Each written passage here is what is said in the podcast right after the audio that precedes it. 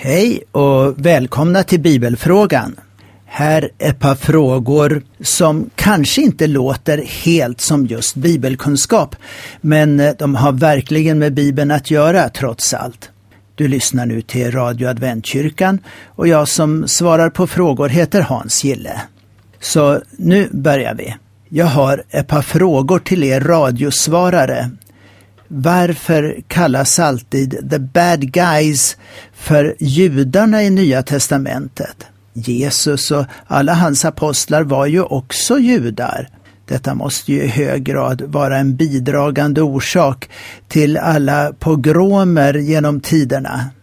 Sen undrar jag också varför Jakobs brev kallas The Book of James på engelska medan vad jag vet det heter Jacobs Ladder, alltså i den här sången. En etymologisk fråga kanske, men ändå. Ja, jag börjar med den sista frågan. Den blev på sitt sätt rätt enkel. Men visst är det lite märkligt kan vi andra tycka när det gäller engelska förändringar av namn av olika slag. Ta bara vårt kära Göteborg som på engelska får heta Gothenburg. Nu till Jakob. Både hebreiskan och grekiskan som nu Gamla testamentet och Nya testamentet är skrivet på, så heter det Jakob eller Jakobos eller andra ändelser på namnet allt efter grammatiken. Och faktiskt stavat med i i början. Men uttalet blir ju detsamma, Jakob. Om du slår upp den gamla goda engelska bibeln King James så får du orsaken. Jakobs stege är berättelsen om patriarken Jakob som på sin flykt från sin bror Esau får en dröm där han ser en stege som räcker ända upp till himlen och änglar som kommer ner. Jakob kan med andra ord vara trygg. Gud finns där.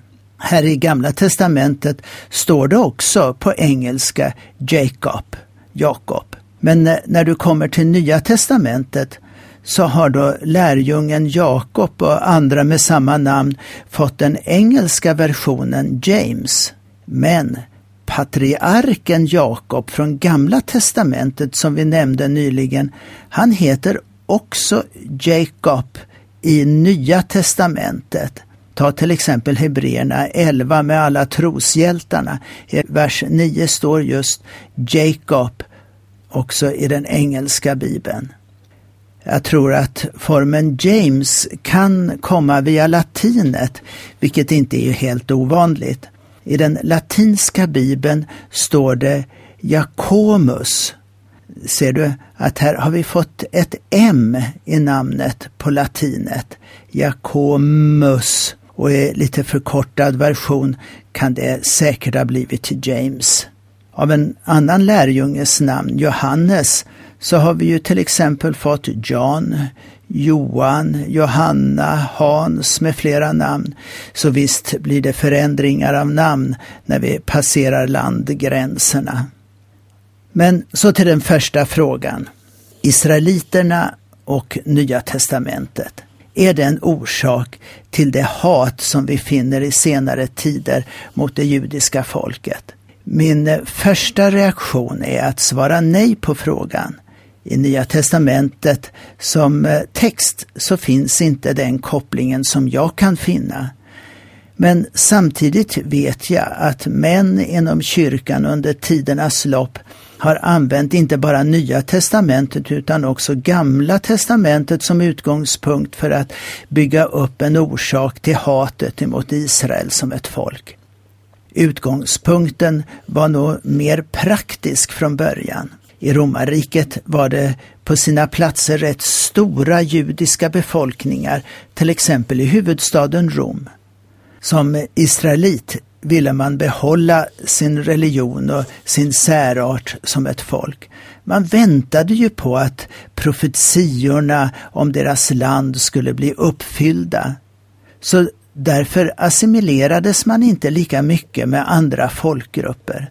Sen deltog man inte heller vid de festligheter i riket där varje medborgare skulle visa sin lojalitet mot staten genom att tillbe kejsaren. Detta var ju för judarna en omöjlighet religiöst sett, för då skulle man bryta mot ett av de tio buden. Du ska inga andra gudar ha vid sidan av mig. Därför utbröt det titt som tätt förföljelser mot judarna. När sedan kristendomen spreds över de här områdena så blev de kristna ganska naturligt sammankopplade med de judiska grupperna. Man hade samma ursprung och många kristna var ju vid den här tiden judekristna som vi säger. Nu försökte en del kristna slippa den här sammankopplingen och ville gentemot myndigheterna visa att de inte var judar för att de möjligt inte hamna under samma förföljelse. Här har vi början till motsättningarna. Till att börja med var ju de flesta kristna samtidigt judar.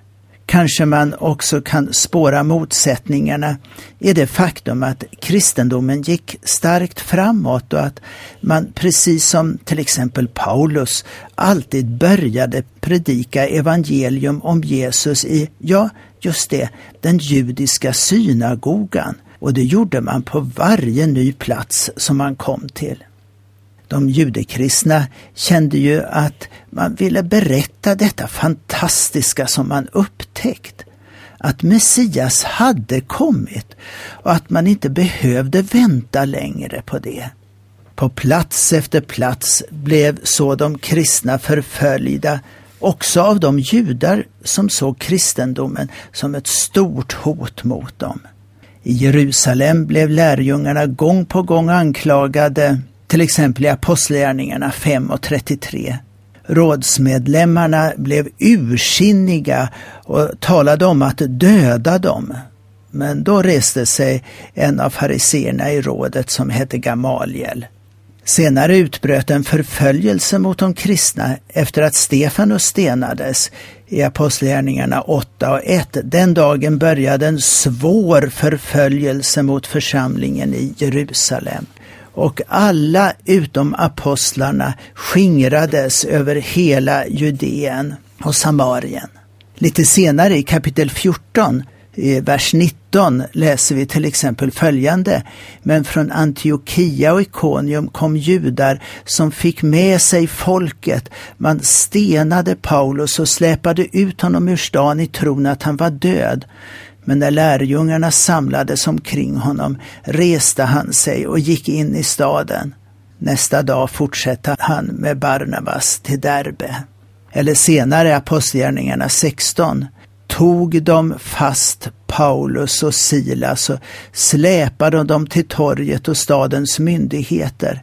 De förde med dem till den romerska domarna och sa de här männen stör lugnet i vår stad. De är judar och de talar för seder och bruk som det inte är tillåtet för oss som romerska medborgare att anta och följa. Folket tog då parti mot dem och domarna slet kläderna av dem och befallde att de skulle pryglas. Man gav dem många rapp och satte dem sedan i fängelse. Det är alltid farligt när en religiös gruppering får tillgång till att utnyttja statliga maktmedel för sin egen vinning. Och det är just det som hände senare när maktförhållandena svängde över till de kristnas fördel istället. Makt har verkligen förmågan att korrumpera. Förföljda kan snart själva bli förföljare och så har det varit genom alla tider. I Nya testamentet låg de kristna underst och därför får vi förhållandet att det egna folkets ledare, fariseerna och de skriftlärda, blir de stygga gossarna. Först när kristendomen hade blivit accepterad av den romerska staten och kyrkan förändrat struktur med tydlig ledarkontroll över det lägre prästerskapet och lekmännen i kyrkan så blir också maktkampen mer utpräglad. Men vad säger då Nya testamentet? Alltså den ursprungliga kristna församlingen. Att Jesus var jude, att samtliga tolv apostlar var judar, att hela den första församlingen var uteslutande judekristna, att man hela tiden hade en dialog med folket i alla de synagogor som man besökte. Paulus själv hade känt starkt för sitt folk. Han skriver till exempel i Romarbrevet 11. Jag frågar då, kanske Gud har förskjutit sitt folk? Visst inte. Jag är ju själv israelit, ättling till Abraham av Benjamins stam. Gud har inte förskjutit sitt folk som han en gång har utvalt. Och senare, Gud har gjort alla till olydnadens fångar för att kunna förbarma sig över alla. Och lite tidigare i samma brev läser vi Ty jude är man inte till det yttre och omskärelsen inte det som syns utanpå kroppen. Jude är man i sitt inre och omskuren är den som är det i sitt hjärta, i ande och inte efter bokstaven. Eller ta Galaterbrevet 3 och 26. Alla är ni nämligen genom tron Guds söner i Kristus Jesus. Är ni döpta in i Kristus har ni också iklätt er Kristus. Nu är ingen längre jude eller grek, slav eller fri, man eller kvinna. Alla är ni ett i Kristus Jesus. Men om ni tillhör Kristus är ni också avkomlingar till Abraham och arvtagare enligt löftet. Så pogromer och andra vansinnighetsdåd har mer en historisk bakgrund än en biblisk. Att Israel i stort förkastade den Messias som kom på den rätta tiden är knappast orsak till förföljelse. Att maktens kyrka förföljde allt avvikande från den egna normen är väl dokumenterat och en skam som har dolt det verkliga evangeliet allt för mycket och allt för länge. Det var svaret den här gången och så vill jag avsluta med att inbjuda dig till att ställa just dina frågor till bibelfrågan på Radio Adventkyrkan. Det gör du enklast genom att ringa in på telefon 031 711 1199. Och har du tur så svarar Anne-Maj i telefonen, annars talar du in din fråga på vår telefonsvarare som annars är igång dygnet runt. Om du lämnar ditt telefonnummer så kan vi ringa upp om vi inte har uppfattat helt. Du kan också skriva ett mejl till radioadventkyrkan snabela telia.com. Våra gudstjänster är på lördagar klockan 11.30 och du finner oss på Norra Legatan 6 nära Järntorget.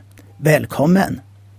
Du har kanske som vanligt lyssnat på Bibelfrågan från Radio Adventkyrkan som vanligt. Ja, gör som många andra.